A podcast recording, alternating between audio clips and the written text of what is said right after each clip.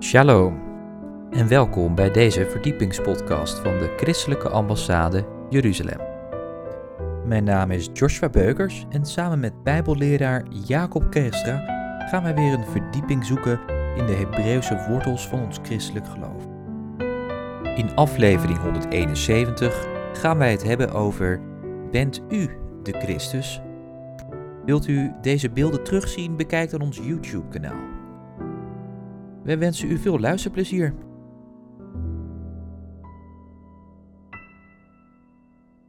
Ik wil graag met u nadenken vanochtend over één vraag. Bent u de Christus? En dan lezen we uit Johannes hoofdstuk 10.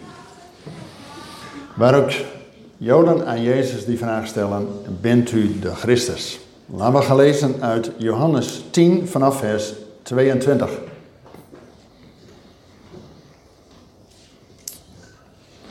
En de smartphones die uh, worden weer opgestart. Komt helemaal goed.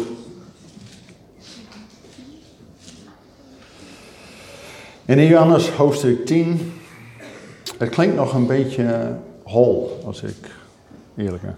Ja? Johannes hoofdstuk 10, daar staat Jezus op het feest van de tempelinwijding. En het was het feest van de inwijding van de tempel in Jeruzalem en het was winter. En Jezus liep rond in de tempel in de zuilengang van Salomo. De Joden dan omringden hem en zeiden tegen hem: Hoe lang houdt u ons nog in het onzekere?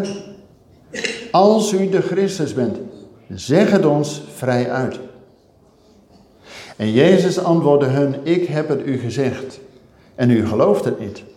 De werken die ik doe in de naam van mijn Vader, die getuigen van mij. Maar u gelooft niet, want u bent niet van mijn schapen zoals ik gezegd heb. Mijn schapen horen mijn stem en ik ken ze en ze volgen mij. Ik geef een eeuwig leven en zij zullen beslist niet verloren gaan in eeuwigheid. En niemand zal ze uit mijn hand rukken. Mijn vader die hen aan mij gegeven heeft is meer dan allen. En niemand kan hen uit de hand van mijn vader rukken. Ik en de vader zijn één. Tot zover. Wat ik het mooie van deze tekst vind, dat de Joden hadden een verwachting. Nou, wij leven nu ook in een tijd van verwachting. Kwam ook in de gebeden al naar voren. En weet u, wat het mooie dan is, de Joden gingen niet naar alles en iedereen toe. Dat doen wij wel eens. Dat als we iets willen weten, of als we in het ongelijk gesteld zijn, of weet ik het wat, dan gaan we naar alles en iedereen, maar niet naar de bron zelf. En de Joden gingen naar Jezus zelf toe. En die praten niet achter zijn rug om van weet ik het wat, nee, ze gaan naar Hemzelf toe. Daar kunnen wij nog een hoop van leren. En ze hebben die vraag van, bent u nou die Christus? In het Hebreeuws bent u de Messias. Christus is een vertaling van het woord Messias. En hoe komt het nou dat ze dan nog niet snapten dat Jezus die Messias is? Want dat was de handvraag. Nou, welk beeld hebben wij van de Messias? Van Jezus. Daar gaat het om. En alles in de Bijbel over Israël is opgeschreven ons tot voorbeeld. Dus we kunnen een voorbeeld aan hen nemen, maar direct ook voor ons de vraag: welk beeld hebben wij van Jezus, van de Christus? Kijk, we willen vaak nog wel dat het een kindje in een kribbe is en allemaal heel idyllisch en romantisch en het perfecte plaatje. Maar willen we ook dat Hij koning wordt in ons leven? Nou, laten we kijken hoe Israël en de Joden daarop reageerden. En vooral een van de hints die de Bijbel zelf geeft, is de tijd waarin het afspeelde. Er staat het was het feest van de tempelinwijding en het was winter. Het zal misschien vreemd voor u klinken dat Jezus heeft nooit kerst gevierd. Maar dat komen we in de Bijbel niet tegen. Jezus vierde wel in deze tijd van de winter het tempelinwijdingsfeest. Ook wel het Chanukka-feest. En dat Chanukka-feest is ontstaan omdat in het jaar 167 voor Christus was er een buitenlandse overheerser, een Syrische koning, die had Israël verboden om diensten te houden. Nou, een beetje vergelijkbaar met corona. Dat we ook twee jaar lang eigenlijk geen fatsoenlijke dienst konden houden, dat we daar niet als gemeente bij elkaar konden. Zo ook Israël, ze konden drie jaar lang niet naar de tempel om de feesten te vieren. Ze konden het offer niet brengen op het altaar. En zelfs de menorah, het licht, was uit. Gelukkig na drie jaar dat ze toch weer de tempel in bezit namen en direct ook weer de kandelaar wilden aansteken. Maar ze hadden slechts één potje olie met het zegen van de hoge priester. En toch dachten ze, we doen gewoon de daad, we steken die menorah aan, het licht. En God deed een wonder. Want het duurt zeven dagen voordat je weer nieuwe heilige olie hebt bereid. En God deed op basis van dat ene potje olie, wat voldoende is voor één dag, toch zeven dagen dat licht branden. Nou, en juist ook bij die menorah, die kandelaar die in de tempel stond, een klein beetje olie was voldoende om toch een wonder van de Heer te laten zien. En dat feest werd ieder jaar gevierd, ook in de tijd van Jezus. En Jezus liep dus met die tijd van die tempelinwijding in Jeruzalem. En dat is natuurlijk direct al een feest over ja, het licht. Nou, daar leven wij ook naartoe. Maar er is nog een veel belangrijker hint in dit gedeelte. Want wat werd gelezen tijdens dat feest? Je weet misschien dat in Israël wordt iedere week wordt er een gedeelte van de wet en profeten gelezen. En precies ten tijde van die tempelinwijdingsfeest wordt een gedeelte gelezen. Dat wil ik graag met u lezen. Dat is uit Genesis 44 en 45. Dat is het beroemde verhaal dat Jozef zich bekend maakt aan zijn broers. En Jozef heeft allerlei gelijkenissen met Jezus. Zoals Jozef ook de geliefde zoon van zijn vader was, was gekleed met een koninklijke mantel, maar er kwam jaloezie. En zodanig dat die broers Jozef gingen verkopen en hij kwam zelfs in de gevangenis van Egypte. Nou, dat was niet te vergelijken met onze Bijlma Bias, met Color TV en uh, alles op uh, aanvraag. Nee, die gevangenis in Egypte, dat was geen pretje. En toch, op Gods tijd, gaat God Jozef in de bediening plaatsen. Precies wanneer hij 30 is. Ook Jezus was 30 toen hij in de bediening geplaatst werd. En Jozef mocht die droom van die farao uitleggen dat er eerst zeven vette jaren en dan ook zeven magere jaren. U kent dat verhaal. En Jozef, wanneer die zeven vette jaren er zijn, gaat hij voorbereiding treffen. Dat is ook een teken voor ons. Nu we nog gewoon in de diensten kunnen zijn, jongens, dat we ons volzuigen met het woord van God, want het kan nog wel eens anders worden. En Jozef die ging dus grote voorraadschuren bouwen. En toen het moment van die zeven magere jaren aanbrak, lezen we in Gods woord, de hele wereld kwam naar Jozef. En die farao geeft hem zelfs een erenaam. Safnat Paneas. In het Nederlands heet dat de redder der wereld. Oh, wauw. Is dat niet profetisch over die redder der wereld die wij verwachten? Maar dan is natuurlijk de hamvraag. Als die Jozef wel de redder der wereld wordt genoemd, en de hele wereld kwam voor brood bij Jozef, lezen we, dan is de vraag, wordt hij ook de redder van zijn eigen volk, van zijn eigen broers? En u kent ongetwijfeld het verhaal. De eerste keer dat die broers naar Egypte gaan, Jozef herkent hen wel, maar zij herkenden hem niet. Is dat niet te vergelijken met Jezus? Wij hebben Jezus in een heel westelijk gewaad gestoken. Onherkenbaar voor zijn Joodse broeders. Als je alle schilderijen van Rembrandt en van Raphaël en de beroemde schilders ziet van Jezus, dan is het te vergelijken met een lange blonde man met blauwe ogen.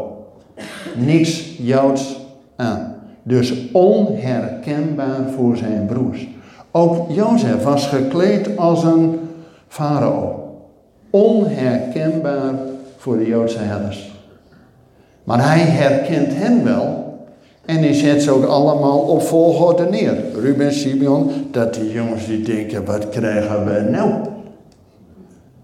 Maar goed, ze taaien weer af. Op een gegeven moment krijgen ze weer honger. En is er te weinig koren. En vader Jacob zegt, ga weer naar Egypte. Ja, zeggen die broers, dat willen we wel. Maar dat kan alleen als ook die jongste broer Benjamin meegaat. En de tweede keer na twee jaar, hou die even vast, gaan zij weer naar Egypte. En dan uh, Jozef ziet voor het eerst zijn echte broer, want die andere tien waren zijn halfbroers. Maar Benjamin was de echte broer, hè? dezelfde vader, dezelfde moeder. Maar hij houdt zich staande, Jozef. Hij laat ze zelfs een maaltijd voor hen bereiden, om hen te testen. Zet ze weer allemaal op volgorde neer. En de jongste Benjamin krijgt vijf keer zoveel als de rest om te testen of die broers nog steeds jaloers zijn op, zoals ze vroeger op Jozef waren. En dan de volgende dag krijgen ze weer koren mee en gaan weg. En dan op het eind van de dag is de zilveren beker in de zak van Benjamin. Dus de politie van Jozef komt en die haalt Benjamin op. En de broers gaan weer mee naar het hof en nu komt de ontknoping. Dan gaat Jozef vrij hard tegen hen spreken. Wist je niet dat ik dat door moet hebben? Jullie zijn gewoon dieven. En uh, jullie kunnen gaan, maar die Benjamin, die moet in de bak, want die heeft mijn zilveren beker gestolen. En nu komt de ontknoping. Leest u mee in Genesis 44, vers 18. Genesis 44, vers 18. Waar staat: Toen trad Juda op hem toe, op Jozef. En Juda is degene die Jozef twintig jaar daarvoor verkocht had. Aan de Midianieten, om naar Egypte te gaan. En Juda is een beeld van de Joden. Let op wat er gebeurt. Juda heeft dus geen idee dat het zijn broer is, hè? Die hij twintig jaar daarvoor verkocht had. En toen trad Juda op hem toe en zei: Och, mijn heer, laat uw dienaar toch een woord ten aanhoren van mijn heer mogen spreken. En ontsteek niet een woede tegen uw dienaar, want u bent als de farao.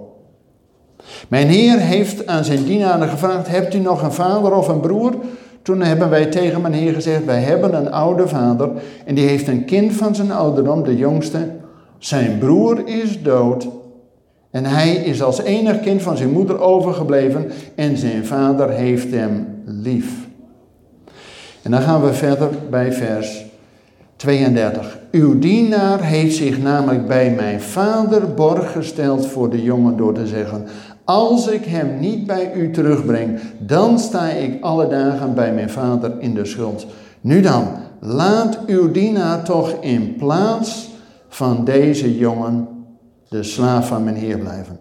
En laat de jongen met zijn broers meegaan. Hoe zou ik immers bij mijn vader terug kunnen keren als de jongen niet bij me is? Anders zou ik de ellende moeten zien die mijn vader zal treffen. Dus pas wanneer Juda de les geleerd heeft en in plaats van Benjamin dat Juda zegt, stop mij maar in de bak. En dan lezen we, toen kon Jozef zich niet meer bedwingen voor allen die bij hem stonden. En hij riep, laat ieder van mij weggaan. En er stond niemand bij hem toen Jozef zich aan zijn broers bekend maakte. En hij huilde zo luid dat de Egyptenaar en het huis van de farao het hoorden. En Jozef zei tegen zijn broers, ik ben Jozef. Leeft mijn vader nog? Maar zijn broers waren niet in staat om een antwoord te geven, want ze waren door schrik voor hem overmand. En Jozef zei tegen zijn broers, kom toch dichter bij mij. En ze kwamen dichterbij. Toen zei hij, ik ben Jozef. Jullie broer. Die jullie naar Egypte verkocht hebben. Maar nu, wees niet bedroefd en laat jullie ogen niet in toorn ontvlammen, omdat jullie mij hierheen naartoe hebben verkocht. Want God heeft mij voor jullie uitgezonden tot behoud van jullie leven. Deze twee jaren waren er immers hongersnood geweest in het midden van het land en er komen nog vijf jaren wanneer er geen ploegen of oogsten zal zijn. God heeft mij voor jullie uitgezonden om jullie een overblijfsel veilig te stellen op aarde. En jullie door een grote uitredding in leven te houden. Nu dan, niet jullie hebben mij hierheen gestuurd, maar God hij heeft mij aangesteld als een vader voor de farao, als heer over heel zijn huis en als heerser over heel het land Egypte. Tot zover. Mensen, de clue van het tempelinwijdingsfeest ligt hierin. Als je het hele Oude Testament optelt, zijn er tien profetieën van die Messias van die Christus. En Israël dacht altijd aan die laatste profetie. Dat hij gaat zitten op de troon van zijn vader David. En dan zal er vrede zijn op de gansaarde. En dat weten we omdat verschillende keren hebben de Joden geprobeerd om Jezus ja, met geweld koning te maken. Dat hij in die profetie, dat hij gaat zitten op de troon van zijn vader David. Alleen Jezus wilde laten zien dat er ook nog een andere kant aan de medaille is. Want ook een van die profetieën van de Messias is, hij zal sterven voor de zonden van zijn volk. Nou is dat best moeilijk om dat in één persoon te zien. Dat hij aan de ene kant sterft voor de zonden van zijn volk en aan de andere kant gaat zitten op de troon van zijn vader David en de vrede zal zijn op de ganse aarde. Kijk, wij hebben het makkelijk. Jezus kwam de eerste keer om de leidende knecht des Heren te zijn. Jezaja 4, 53. En de tweede keer de wederkomst komt hij om te zitten op de troon. Weet u, Israël heeft daar een oplossing voor. Ze hebben niet één Messias, maar ze hebben twee Messiasen. Ze hebben de Messias, zoon van Jozef, die als de leidende knecht door alles heen moest. En ze hebben de Messias, zoon van David. En wat we nu bij dat tempelinwijdingsfeest zien, dat Jezus juist vertelt en laat zien dat hij eerst gekomen is als Messias, zoon van Jozef. Die als de leidende knecht des Heren vooruitgestuurd werd, gedood werd om de zonde van zijn volk, om zijn volk daardoor in leven te houden en dat hij de tweede keer komt als zoon van David. Weet u wat nou met dat tempelinwijdingsfeest zo mooi is voor ons? En ik heb bewust iets meegenomen. Want in dat tempelinwijdingsfeest hebben we net gehoord dat één klein beetje olie, nou hier ligt ook al uh, een potje met olie, was voldoende om die hele kandelaar weer te laten branden. En weet u, dit is een Chanukia. Dit is een achtarmige kandelaar die gebruikt wordt om die acht dagen van dat feest iedere dag één lampje meer te laten branden. Zoals wij met Advent iedere week één kaars meer, zo is ook in Israël. Iedere dag wordt er één meer gedaan. Weet u wat nou het mooie is? Deze extra is de negende, die kan los, en die heet de dienaar. En die dienaar heb je nodig om daarmee de andere kaarsen aan te steken. Weet u wat nou het mooie van het feest van het licht is? Dat we verwachten dat Jezus niet alleen komt in een kribbe, maar vooral komt als koning. En dat begint doordat Hij bij ons het licht mag aansteken. We hebben gebeden dat Gods geest overvloedig mag gaan werken. En dat wij als gemeente niet alleen ontvangen, maar dat we ook een doorgeefluik zijn. Want weet u, als het straks moeilijk wordt, we kennen allemaal vlak voor de komst van de Messias als koning, dat de hele gemeente, die vijf wijze en vijf dwaze maagden, tien, tien is het getal van de gemeente, dat de hele gemeente viel in slaap. Maar te middernacht het bezuingeroep van die bruidegom, die koning die komt. En degene die nog olie had, die kon het feest binnen. Weet je, de uitnodiging voor vandaag is dat ook Jezus, die de dienaar is, en de eerste keer kwam als dienaar in deze wereld, dat hij ook bij ons dat licht mag aansteken. Zodat wij niet in de duisternis leven, maar ook als gemeente een licht mogen zijn voor deze omgeving. Straks wordt hier van alles gedaan. Jongens, we hebben gebeten dat ook deze gemeente tot een Shekinah glory. Weet u dat dat. Uw naam van gemeente is profetisch, hè? Weet u, Jezus ging na de eerste keer alles volbracht te hebben. Ging hij in een wolk naar de hemel. En zo zal hij ook met de wolken terugkeren. Weet u wat er staat in de Hebreeuws? Net zoals Israël die uittocht had, dat die vuurkolom voor hen uitging en die wolkolom ging achter hen aan. En de rots die met hem meeging was de Christus. En weet je, die wolkolom en die vuurkolom, dat is die Shekinah glorie. En zo komt ook Jezus straks terug. Op de wolken staat maar je kunt net zo goed vertalen en lezen, met die Shekinah glory. Jongens, dat wordt één groot feest van het licht. En hij is al gekomen de eerste keer als dienaar van het licht om bij ons dat licht aan te steken. Zodat wij niet maar een beetje, oh Gods vlammetje, waakvlammetje, oeh, voorzichtig. Nee, dat wij als gemeente in vuur en vlam mogen staan voor Heer. Zullen we daarvoor bidden? Mag ik u voorgaan? Bedankt voor het luisteren naar deze verdiepingspodcast van de ICEJ. Waardeert u onze podcast? Steun ons dan. Dat kunt u doen door een donatie of door deze podcast te delen met uw vrienden of familie. Meer informatie hierover vindt u op icej.nl. Volgende week volgt er uiteraard weer een nieuwe aflevering van deze verdiepingspodcast. Luistert u weer met ons mee? Ik hoop van wel. Bedankt voor het luisteren en tot volgende week.